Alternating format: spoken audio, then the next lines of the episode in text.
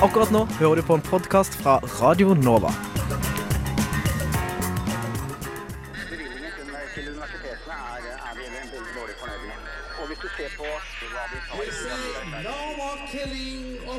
er, er. Ja, det, er- den saken eh, tapte vi i Soria Moria-forhandlingene. Det var aldri Men hvorfor tapte dere når alle er enige om det? Eh, Nei, det var ikke så stor enighet som eh, det kunne tradisjonelle brytningen mellom individets frihet og samfunnets ønske om beskyttelse. Lokalt, nasjonalt, internasjonalt. Nyhetsfredag går i dybden. Studieprogrammer må kuttes, mastersyken brer seg, og utdanning er unødvendig. Nyhetsfredag oppsummerer våren 2014. Nyhetsfredag. Fredager klokken 11 på Radio Nova FM 99,3. God eh, formiddag, du hører på Nyhetsfredag, studentenes aktualitetsmagasin på Radio Nova FM 99,3. Mitt navn er Adrian Nyhammer Olsen. Og jeg heter Marie Røsland. Vi skal eh, se tilbake på hva som har skjedd hittil i 2014, og dette året startet eh, med at det ble stilt spørsmålstegn ved små studieinstitusjoner og antall studieprogram. På Radio Nova. Radio Nova NHO og NSO reagerer på det høye antallet studieprogrammer. Og hvordan fordeles egentlig pengene som utdanningsinstitusjonene har utover de forskjellige studietilbudene? Det var altså eh, klipp fra emneknaggen i begynnelsen av eh, januar. Og eh, da var jo du med i debatt, eh, Ola Magnussen Rødje, leder i Norsk studentorganisasjon. Vi ble jo først applaudert for i det hele tatt bry oss om eh, organisering og dimensjonering av høyere utdanning i Norge. Disse, disse litt skumle eh, ordene, hva betyr de egentlig, Ola? Eh, Det betyr egentlig at vi nå, kanskje for første gang siden kvalitetsreformen i 2003, har satt oss ned for å se på hvordan utdanningssystemet vårt er bygd opp. Hvordan bruker vi ressursene, hvem skal holde på med hva, og er det optimalt sånn som det er i dag.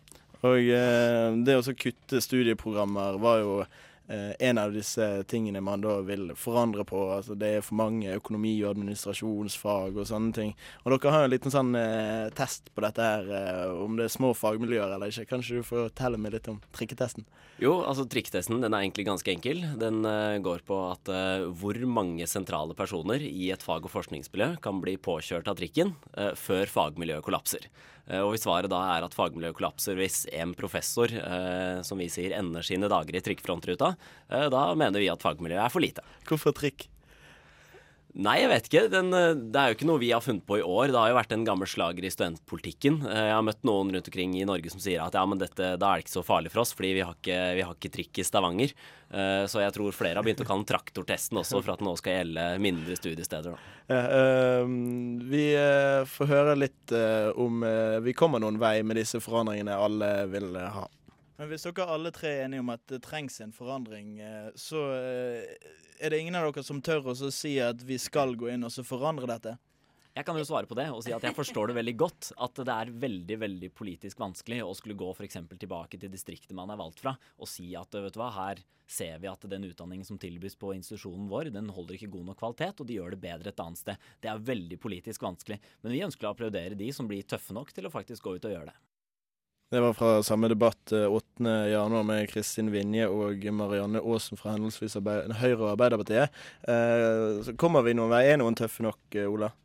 Ja, Nå blir man jo stilt veldig tøffe krav til. Eh, Kunnskapsdepartementet har jo gått ut og nå eh, krever jo eh, at institusjonene skal gjøre det her. Eh, og der har jeg litt lyst til å skryte av de. Jeg syns at de er mer på offensiven eh, og mye mindre på defensiven da, enn det de har vært eh, på mange, mange år. Og flere snakker nå om like mye om eh, å samarbeide om at én institusjon skal ta over eh, studietilbud begge institusjonene tilbyr, enn det de gjorde tidligere. Men hvilken fremtid ser vi for f.eks. små eh, høyskoler som kanskje høyskolen i Sør-Trøndelag, Nord-Trøndelag, Nesna? Altså, hva skjer med de? Jeg tror at de fleste studiestedene sikkert kan bestå på et eller annet vis, men jeg tror at både store og små studiesteder kommer til å måtte legge ned noe, og de kommer til å måtte gjøre noe annerledes. Vi ser jo nå at det blir en større trend å fusjonere, eh, og Kunnskapsdepartementet krever jo nå også at institusjonene skal eh, se på fusjoner. Eh, og jeg tror også at fusjonering er en måte å, måte å legge ned på. At man først slår sammen, og så legger man ned noen program internt etterpå. Vi skal snart gå over på en av vårens mest populære sykdommer. Du hører på Nyhetsfredag her på Radio Nova. Parket Courts Black and White. Du hører på Nyhetsfredag, studentenes aktualitetsmagasin på Radio Nova, der vi eh, i eh, beste mening prøver å oppsummere det som har skjedd hittil eh, i år. Og nå skal vi over til eh, noe som har eh, preget eh, store deler av debatten. Og det er rett og slett at for mange, ifølge noen, tar mastergrad. Og et ord som er blitt brukt mye i massemedia den siste tiden, er mastersyken. Flere tar mastergrad enn noen gang, og man kan velge mellom nesten 1000 forskjellige mastergradstilbud. Mange har reagert og sier det er et problem at så mange tar mastergrad. En av de er deg, Kristian Christian Tybring-Gjedde, stortingsrepresentant eh, for Fremskrittspartiet. Antallet mastergradstudenter har gått opp fra 7000 til 12 000 på eh, ti år. Hva sier det om eh, mastergradene i norsk høyere utdanning, Kristian? Jeg vet ikke om det sier så mye om eh, mastergradene, men det sier jo litt om samfunnet mer generelt. At vi har fått et samfunn som preges av større grad av velferd, og at man er mindre bekymret for økonomien mer, mer generelt. Eh, Jeg tror man i større grad må se på etter behovet i, det som eh, mange studenter syns er fælt, nemlig markedet. Det er faktisk markedet som bestemmer dette. Eh, Og mm, det er begrenset hvor mange som kan ansettes i offentlig sektor.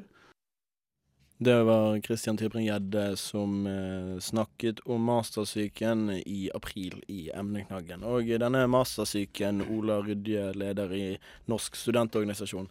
Hvor mange lider av denne sykdommen? Nei, Vi mener jo for det første at kunnskap ikke må betegnes som en sykdom. Altså, det er jo en, en helt riv ruskende gal måte å se på hva, hva kompetanse og høyere utdanning er. Eh, Og jeg vil også si at ingen lider av noe, eh, noe mastersyke i det hele tatt. Eh, Vi har gode tall fra f.eks. NIFU som sier at at vi ikke utdanner for mange mastergrader, og at de aller aller fleste får jobb både raskt etterpå. At etter tre år så sier kun 1,8% at de er i irrelevant arbeid. Hvorfor sier næringslivet at det, det er for mange som tar master, da? Jeg tror man har et oppriktig ønske om å utdanne flere fagarbeidere, og man ønsker kandidater som er enda mer eh, akkurat det bedriftene trenger akkurat nå. Eh, men eh, NSO mener at det er en helt eh, gal måte å se på hvordan vi skal drive høyere utdanning på. Vi skal ikke utdanne folk til en spesifikk stillingsbeskrivelse, og vi kan ikke utdanne sånne fit to purpose-kandidater bare fordi det er det en begrensa del av arbeidslivet i Norge trenger akkurat nå. Men Kristian Christian Tybring-Gjedde sier i denne debatten at eh, eh, mange som tar f.eks. master i samfunnsvitenskapelige program, eh, gjør det veldig unødvendig. For det er det offentlige som gjerne ansetter disse eh, som, som konsulenter som, eh, ja, i, i forskjellige deler av det offentlige Det, det er fullt. Altså, det, det er ikke nok jobber. Der tar han jo feil, og det viser jo forskningen også. Eh, når kun 1,8% etter tre år sier at de er i irrelevant arbeid, eh, så viser det at eh, man får arbeid. Altså ni, av ti historikere får jobb innen seks måneder innen en studie. Så det er nok ikke veldig reelt. Og så tror jeg ikke det med at man f.eks. har eh, en utdanning som er lenger enn det som er krevet av en stilling, gjør at du gjør noen dårligere jobb uh, i stillingen, eller at du ikke klarer å utvikle den bedre heller. Da. Jeg tror at det å ha mer kunnskap og mer viten når du skal begynne med noe, uh, bare er et gode for både bedriften og arbeidsplassen man er på. Vi skal høre en som ikke nødvendigvis snakker ned kunnskap, men snakker ned høyere utdanning. Folk tar høyere utdanning uten å ville noe annet med det enn å få seg et papir på noe de allerede kan. Og det som folk som tar høyere utdanning veldig ofte glemmer, det er at de tror at de årene der, alternativet de årene er å drive dank. Men alternativet de årene er altså å jobbe. Og jeg tror også det er bedre å ha høyere utdanning enn å ha gjort ingenting i tre år. Men jeg tror det er enda bedre å jobbe. Og jeg jobber som journalist. Eh, har gjort det i mange år. Har ikke noe høyere utdanning eh, bak meg. Og jeg ville ansatt noen som har to måneder universitas foran enhver person som har tatt bachelor i eh, journalistikk. Fordi at du kan ikke lære bort å jobbe på noen annen måte enn at folk jobber. Det er den enkleste og beste måten å lære på. Så er det andre yrker som er annerledes, som krever akademiske kvalifikasjoner. Men det er altfor mange som tar høyere utdanning og tror at det skal redde dem, og så er de udugelige når de kommer på arbeidsmarkedet. Men uh, nå, nå fniste du litt nå når du hørte at studenter mente det at uh, de trengte høyere utdanning for, uh, for å få jobb. Hva, sier det om tankegangen hos studentene? Det er helt feilslått. Alle i det norske samfunnet får jobb, nesten, så å si. Og hvis alle tar master, så kan man si at du må ha master for å få jobb. Men hvis ingen tar master, så kan du si at du trenger absolutt ikke master for å få jobb. Det vil altså være sånn at vi sysselsetter folk i vårt samfunn til å gjøre jobbene uavhengig av hva slags utdanningsnivå de har. Så er det noen spesifikke jobber der du må ha noen kvalifikasjoner. og Det er eh, profesjonsutdanninger som regel. Du kan bli lege, men altså for den saks skyld også ta fagbrev i sveising. Uh, og det må du kunne før du kan begynne å jobbe.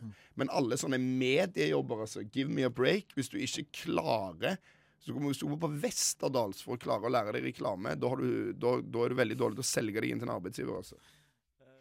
Det var eh, redaktør eh, i eh, Manifest tidsskrift, Mimir Kristiansson, som rett og slett mener at folk tar for mye utdanning helt generelt. Og Ola Magnussen Rydje, hva tenker du om dette?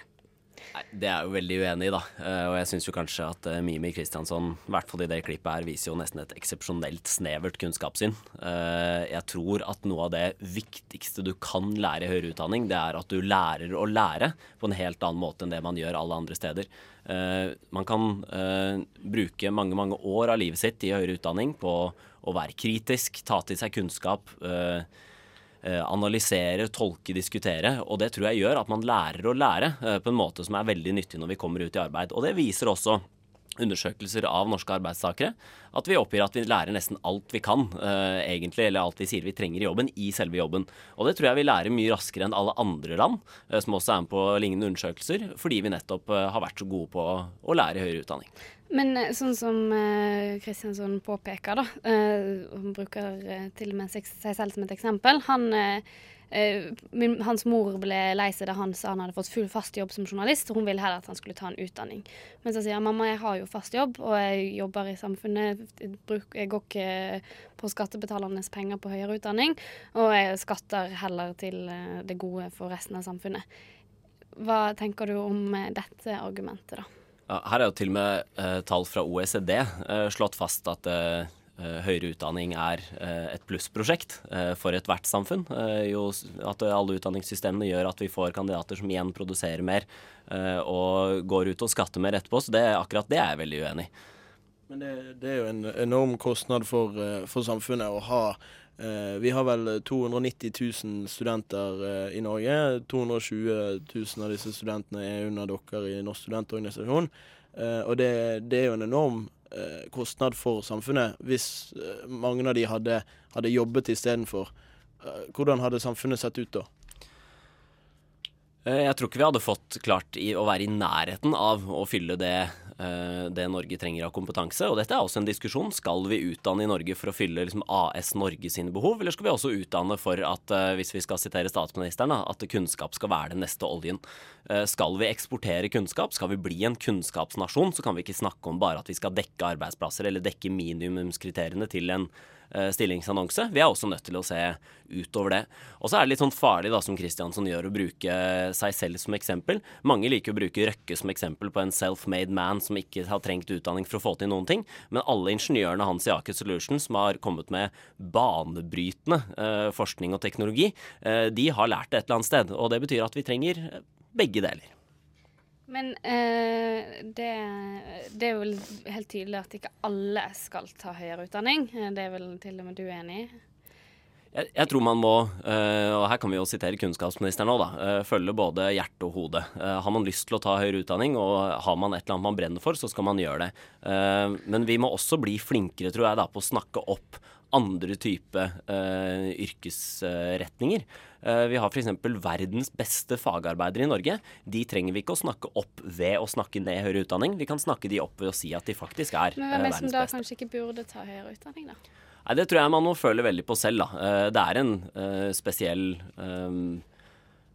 vei å gå. Altså det er en, en måte å lære på, en måte å leve på i noen år. økonomisk sett, som vi har gjentatt i de kjedsommelige år. Ikke veldig, veldig stas. Eh, og så er det kanskje eh, ikke for alle, akkurat som annen type arbeid heller ikke er for alle. Men vi har jo f.eks. sinnssykt mange sosiologer som kan påpeke alle feilene i samfunnet. Har vi også folk som kan rette opp i feilene?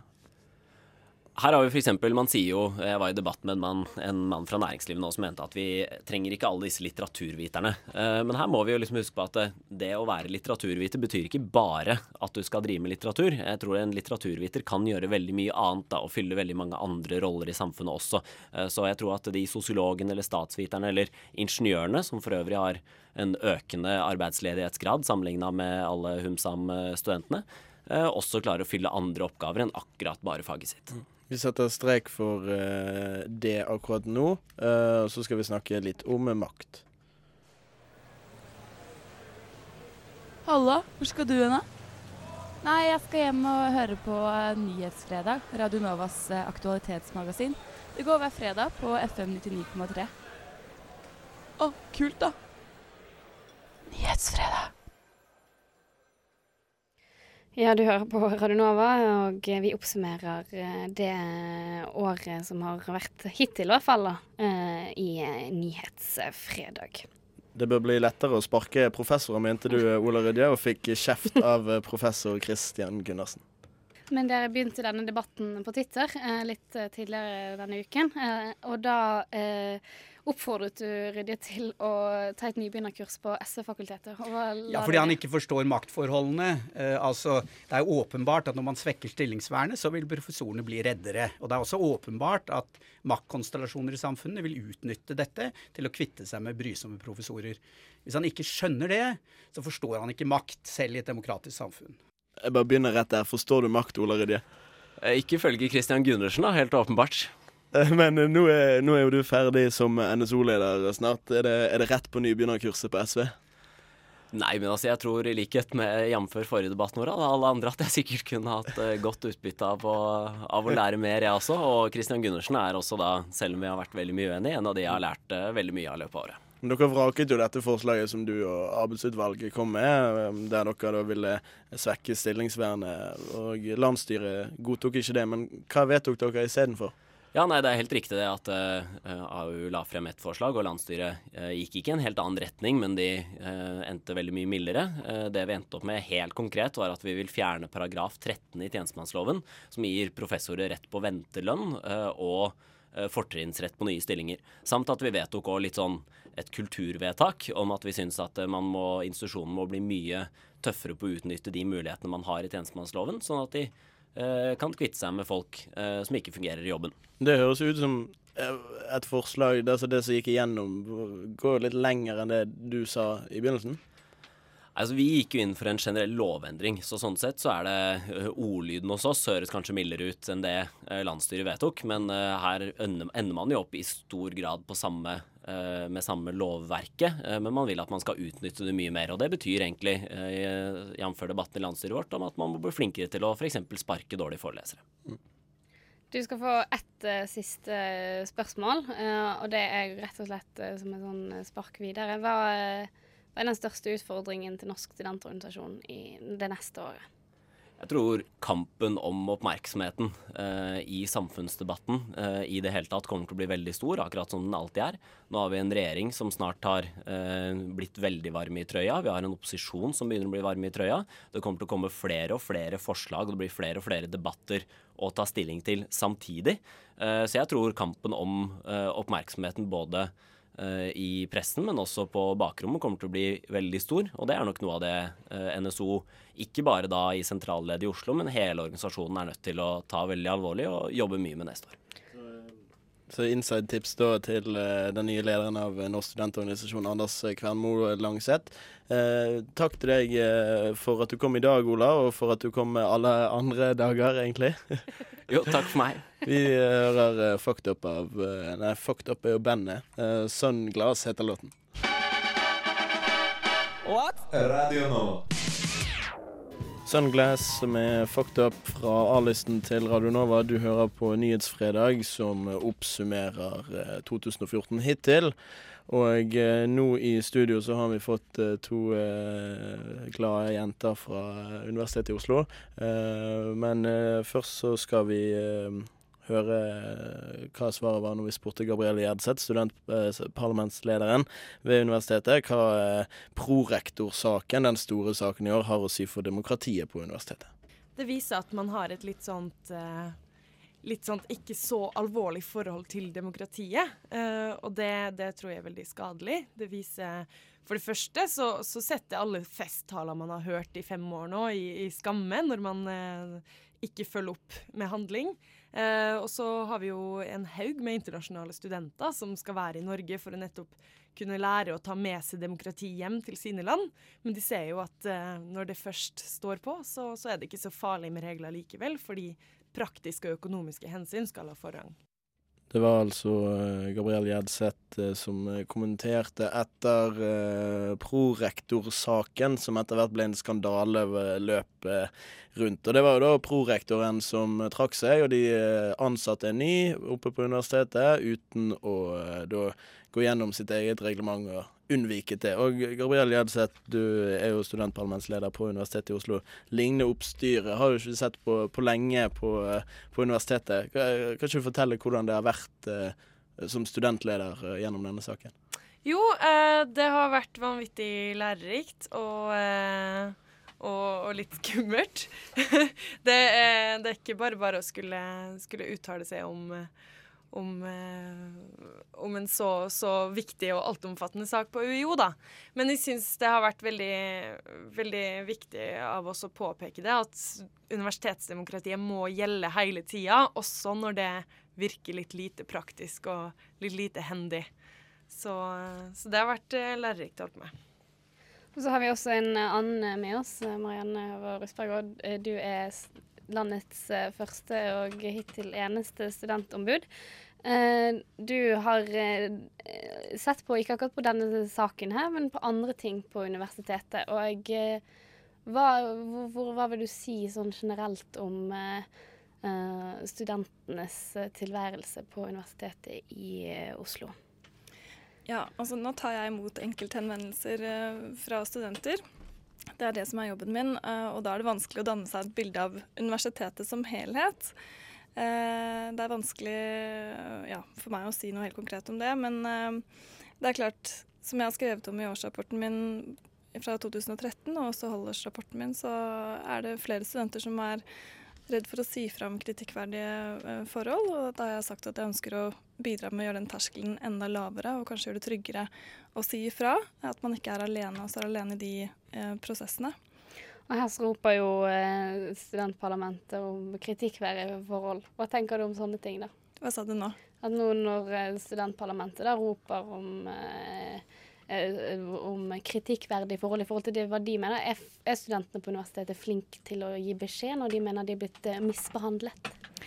Det er også veldig vanskelig for meg å si sånn generelt. Eh, jeg forholder meg til de sakene som, som kommer inn til meg. Og jeg vet at studentparlamentet og studentombudet er enig når det kommer til det å ha et sterkere rettslig vern av studentenes læringsmiljø og gjøre det tryggere å, å si fra. Føler jeg at vi har en, en, en felles uh, interesse. Uh, og ikke minst så bør det jo også være universitetets interesse å fange opp uh, meldinger om kritikkverdige forhold, fordi det ofte er den eneste måten man faktisk kan treffe tiltak til forbedring på.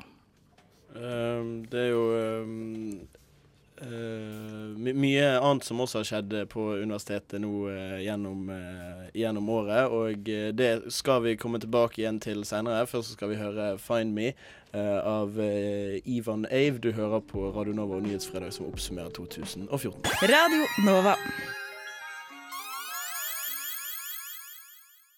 Du uh, hørte 'Find Me' av Even Ave her i Nyhetsfredag på Radio Nova. Vi oppsummerer hittil uh, året uh, og hva som har skjedd her. Og Marianne Russberger, studentombud på Universitetet i Oslo. nå har jo også Bergen vedtatt at de skal ha et studentombud, og vi ser at flere og flere vil ha studentombud ved universiteter og høyskoler. Hvorfor tror du at flere ser at det er viktig å ha?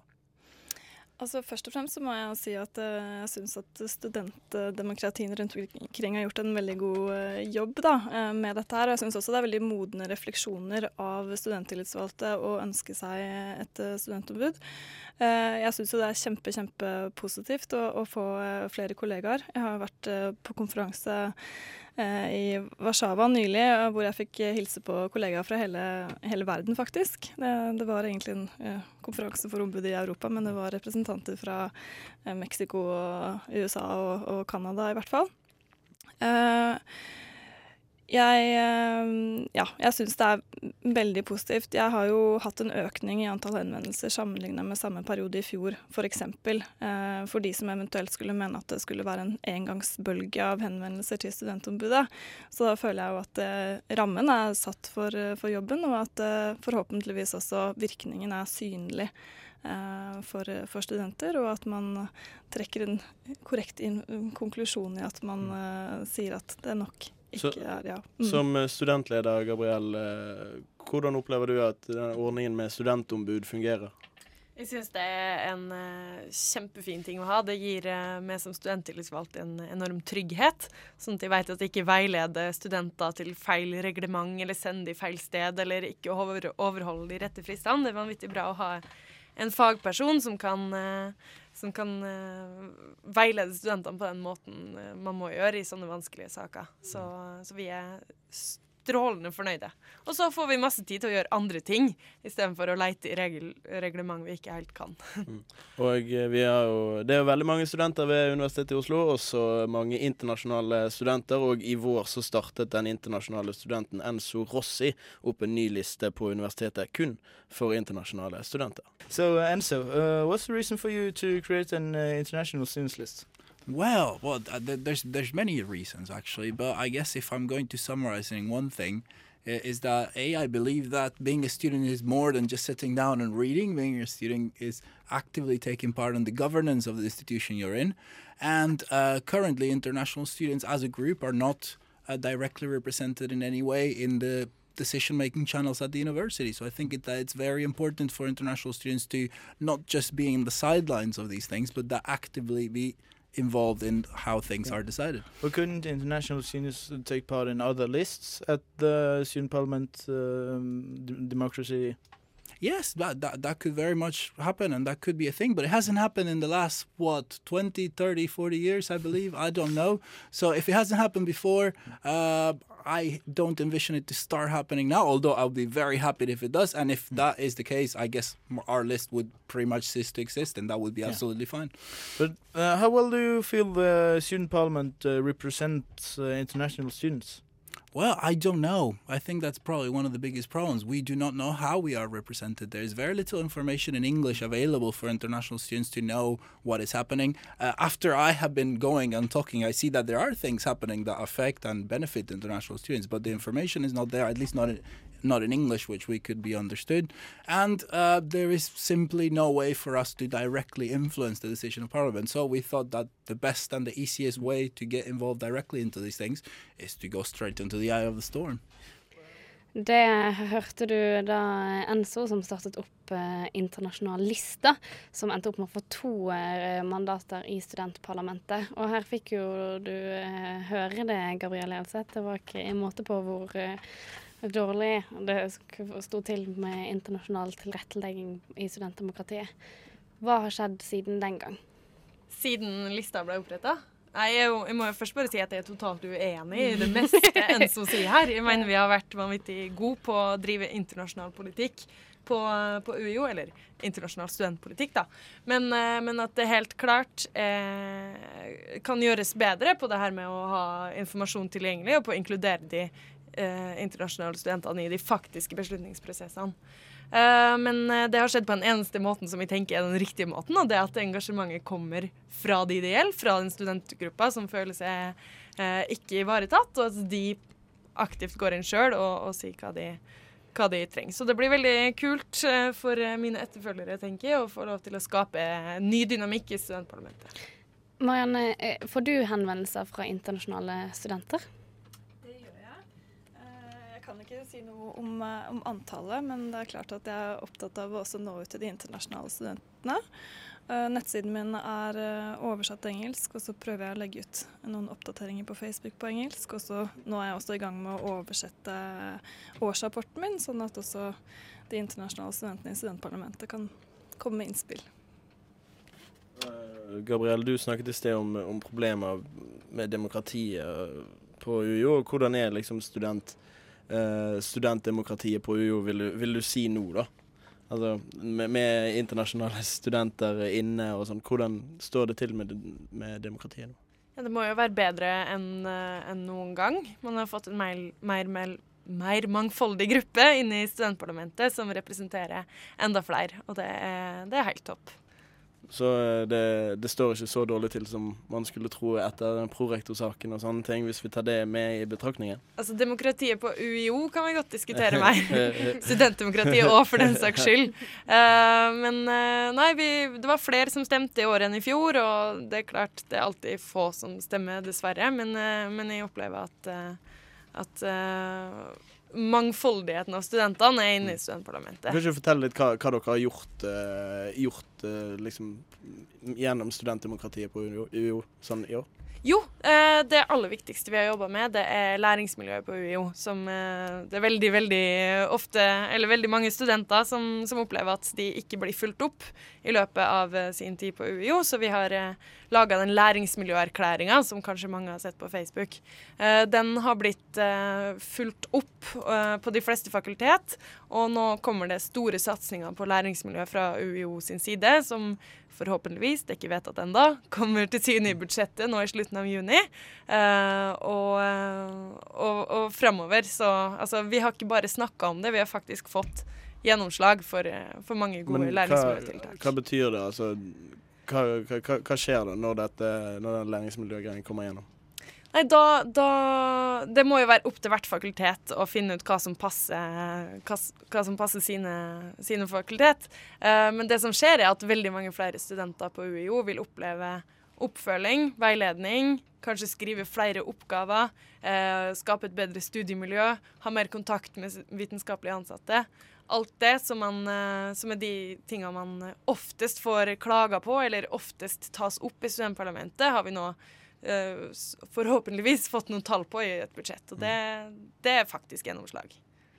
Vi eh, sier egentlig bare takk eh, nå. Eh, takk for at du kom i dag, eh, Gabriel. Også du, eh, Marianne. Og eh, eh, håper å se dere igjen en gang til, selv om eh, du, du slutter som eh, studentleder der oppe på Villa Eika. Vi skal høre 'Hester' eh, med midnatt eh, her på Radio Nova. Radio Nova, FM 99,3 og radionova.no. Det var midnatt med hester her på Radionova. Du lytter til Nyhetsfredag. Og i vår ble for første gang studentenes egen oppfatning av deres studiekvalitet samlet i én nettportal. Og vi snakker da om Studiebarometeret. Jeg synes det er veldig positivt at vi for første gang har fått et samlet datamateriale fra studentene om hva de selv mener om studiekvaliteten på det studieprogrammet de går på. NOKUT-direktør Terje Mørland presenterte stolt studiebarometeret.no på et frokostseminar mandag. Rundt en tredjedel av studenter på andre- og femteåret i norsk høyere utdanning har bedømt studiekvaliteten på sitt studieprogram. Denne informasjonen er nå samlet i en nettportal. Det gir viktig eh, kunnskap eh, når nye studenter skal velge eh, studium og hvor de skal studere. Og det gir ikke minst viktig kunnskap for institusjonene selv når de kontinuerlig jobber med å forbedre og utvikle studiene sine. Ut ifra studentenes sterke stemmer i media er det kanskje overraskende at undersøkelsen viser at hele ni av ti studenter er fornøyde med studiene sine. Men som NOKUT-direktøren selv sa. Det er fullt mulig å være godt fornøyd med dårlig kvalitet. Kunnskapsminister eh, Torbjørn Røe Isaksen så også andre interessante tall i undersøkelsen. Sånn Overordna så er det viktigste funnet at eh, mange studenter trives eh, med å studere. Det er bra. Men samtidig så er det mange studenter misfornøyd med tilbakemeldingen og oppfølgingen fra institusjonene sine. Så er det store forskjeller mellom institusjonene. Og eh, mange studenter Det er altså veldig store forskjeller på hvor mye tid man bruker på studiene eh, fra sted til sted. Og det var det flere som stusset ved. For ifølge undersøkelsen så bruker den jevne student 27 timer i uken på sine studier. Leder i Norsk studentorganisasjon, Ola Magnussen Rydje, benyttet da innlegget sitt til å rope etter mer studiefinansiering. Eh, Tall fra Kunnskapsdepartementet viser at studentene i snitt jobber ti timer i uka. Eh, Og studiestøtten den er så lav at den ikke legger opp til at det som lå til grunn for kvalitetsreformen, var at studentene skulle studere på heltid. Ministeren kastet derimot ballen videre. Altså, veldig mange studenter sier at de syns ikke at arbeidsmengden er for stor, snarere tvert imot. Eh, Så det betyr jo at norske studenter mange steder har mer å gi. Altså De kan bruke mer tid på studiene, men da må jo institusjonen også kunne levere kvalitet på det tilbudet de gir, og forvente mer av studentene. Når eh, kunnskapsministeren her eh, snakker om studentenes tidsbruk, eh, så har det i ettertid eh, vært spesielt én gruppe studenter som har fått eh, mye hets for akkurat det. Og da snakker vi om lærerstudentene. For eh, lærerstudentene de bruker kun 25 timer i uken på sitt studie, og så fire timer mindre enn den samlede studentmassen. Og eh, mange lærerstudenter det er det på Høgskolen i Oslo og Akershus, og da har vi med oss eh, Eline Støland, avtroppende studentparlamentsleder, og Tord Øverland, påtroppende studentparlamentsleder. Kan begynne med deg da, Eline, som har sittet nå. Hva, hva er din oppfatning av lærerstudentene, da? Min oppfatning av lærerstudentene er jo at de eh, Hva skal jeg si? Jeg tror ikke at det er noen grunn til å henge ut de som en dårligere studentmasse enn resten av studentene. Eh, det tror jeg absolutt ikke. Ut ifra mitt inntrykk av våre lærerstudenter, så jobber de jevnt og trutt. Men det kan godt hende at det er noe med hvordan studiene er bygd opp, og hvilke type oppgaver de får, og hvordan de blir oppfordret til å jobbe utenom forelesningene. At det kan gjøres noen grep der for at eh, de skal jobbe mer, rett og slett. Har dere tatt noe stilling til dette? Vår stilling til hele saken er jo at eh, institusjonene også burde stille sterkere krav, sånn at studentene har mer å strekke seg etter og dermed har gode grunner til å jobbe mer. Fordi hvis man får en eh, god C av å jobbe 25 timer i uka, så er det jo ikke noen grunn til å bruke mer tid hvis man er godt fornøyd med en C. Tord, hva skal eh, du gjøre med dette når du eh, påtrer eh, i juli?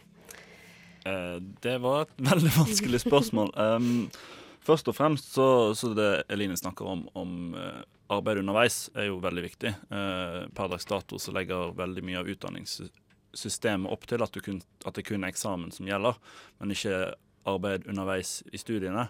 Og kanskje burde man se på, på løsninger som eh, fikser på en måte den problematikken. Og så må man også ta for seg at dette er det første kullet med fireårs Eller etter reformen kom, da, og i tillegg så har det kommet en ny en nå nylig.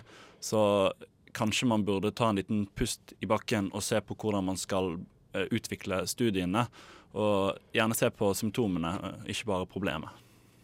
Ok, og så eh, Du har heller ikke den oppfatningen at lærerstudentene er late? De lå på 25, og så lå resten på 27. 29. 29. Ja, Det er fire timer mindre. Det er ikke spesielt mye. Eh, det finnes helt sikkert andres yrkesgrupper også på høyskolen som ligger betraktelig mye lavere. Så det er ikke vits å på en måte lage de til eh, Hva skal vi kalle det for? Utenkt gruppe. Ja. Uttenkt eh, gruppe lærerstudentene, altså. Eh, vi skal snakke mer om andre, andre studenter som også er litt uengasjerte. Radio Nova. Og skal vi da tro uh, medieoppslag denne våren, så er det ikke bare lærerstudentene på høyskolen som er late. Studentene på høyskole er generelt sett uengasjerte, møter ikke opp på allmøter og er ikke med i foreninger. Og eh, studentparlaments... Uh, hun, hun er da Susanne, fagpolitisk ansvarlig, ja, uh, sa følgende om hvorfor. Um, jeg tror ikke at eh, studenter med høyskoler er mindre interessert i studenthverdagen sin, eller i at de er mindre engasjert.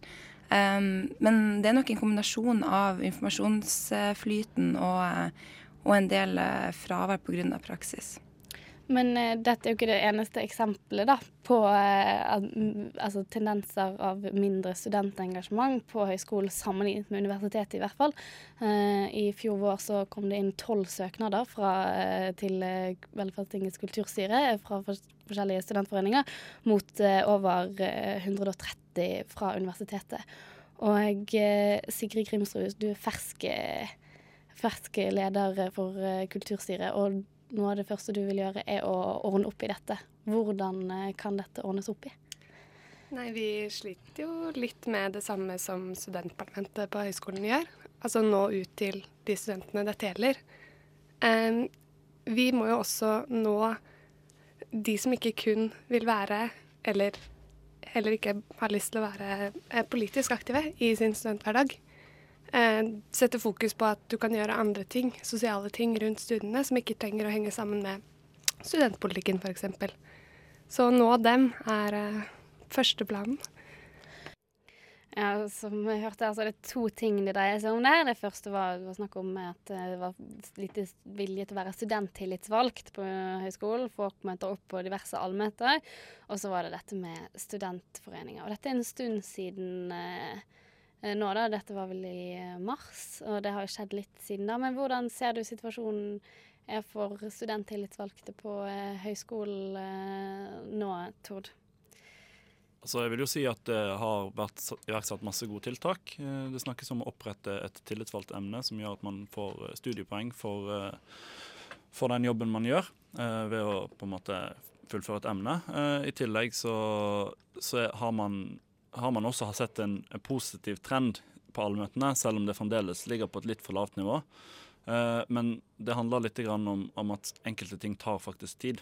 Det tar tid å få på plass de gode systemene det har kanskje ikke vært hovedprioriteringen både blant studentene og blant uh, de ansatte i forbindelsen med at man er en ny utdanningsinstitusjon og det er masse store andre ting som også må på plass. Men på, uh, på foreninger og sånn, hvor mange nye foreninger er kommet uh, på høyskolen nå? Har du tallet? 16 eller noe. Noe sånt. Det er riktig. 16 nye studentforeninger. Hvordan har det kommet til? Det har kommet av at uh, man har prioritert uh, å jobbe på HiOA. Uh, HiOA, og, HiOA og SIO har gått inn for et samarbeid for å løfte opp engasjementet. Og de har på en måte brukt mye tid og ressurser og energi. og Da ser man at det skjer noe. Så det, det handler litt om det også. Det har kanskje ikke vært gjort tidligere. og Kanskje det vil ha en positiv trend i framtiden. HiOA og SIO har jo fått kritikk for dette samarbeidet her. Hva, hva tenker du om det, Line? Jo, jeg syns det er en litt morsom kritikk. Fordi det, kritikken gikk ut på at man skulle bruke penger på å skape engasjement. Eh, jeg er jo den oppfatning at dette handler ikke om å skape engasjement, det handler om å gi opplæring til de som allerede er engasjerte. Fordi de nye 16 studentforeningene de er alle sammen eh, satt sammen av studenter som allerede er engasjert og gjør ting i studiehverdagen sin, men som ikke har det som en, den organisasjonsformen studentforening.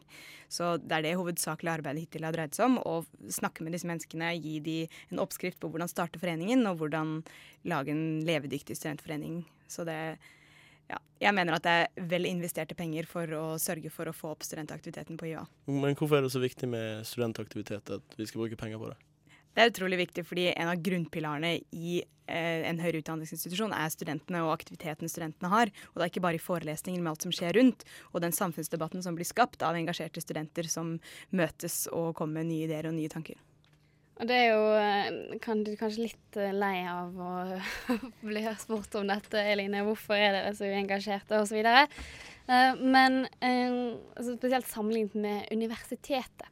Hvis uh, Nå er vi snakket inn i en sånn universitetssatsing, da. Så, men altså, tror du kanskje at det vil snu, snu, på dette? Altså, vil høyskolestudentene bli like foreningsentusiaster som de er på universitetet, hvis høyskole også da skulle bli universitet nummer to i byen?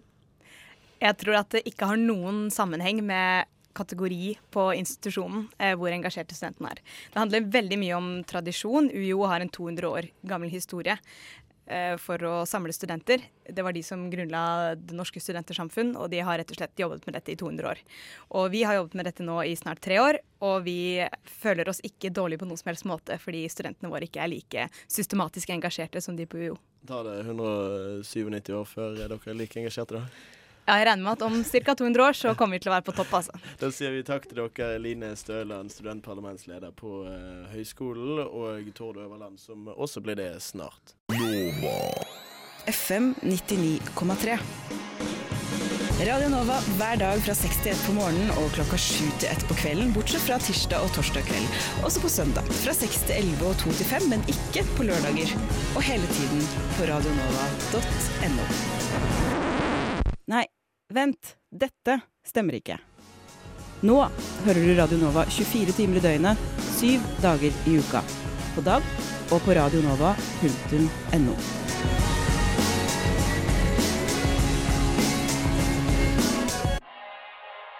Radio Nova 24 timer i døgnet, syv dager i uken. Og dette har vært et eh, semester hvor vi for eh, alvor har benyttet oss av eh, denne sendetiden. I, eh, vi i Studentnyhetene har vært uh, ute på Blindern og eh, utvidet våre sendetider. Og du har fått en liten oppsummering nå denne timen her i Nyhetsfredag av hva noen av sakene hovedsakelig har dreid seg om. Og så er vi tilbake igjen etter uh, sommeren. I mellomtiden så finner du oss på SoundCloud, på Twitter, på Facebook. Hvis du har lyst til å høre noe uh, en gang til. Eh, men eh, takk for eh, meg, og takk for deg, Marie. Takk for oss. Eh, vi er ferdig som nyhetsredaktører i Radio Nova. Neste nyhetsredaktør i Radio Nova heter Knut Erik Vold. Han kan du høre mer av i løpet av høsten. Vi avslutter i stil her i Nyhetsfredag. Vi skal høre Drøse og Kakk Madafaka. Radio Nova. Du har hørt en podkast fra Radio Nova. Likte du det du hørte? Du finner flere podkaster i iTunes og på radionova.no.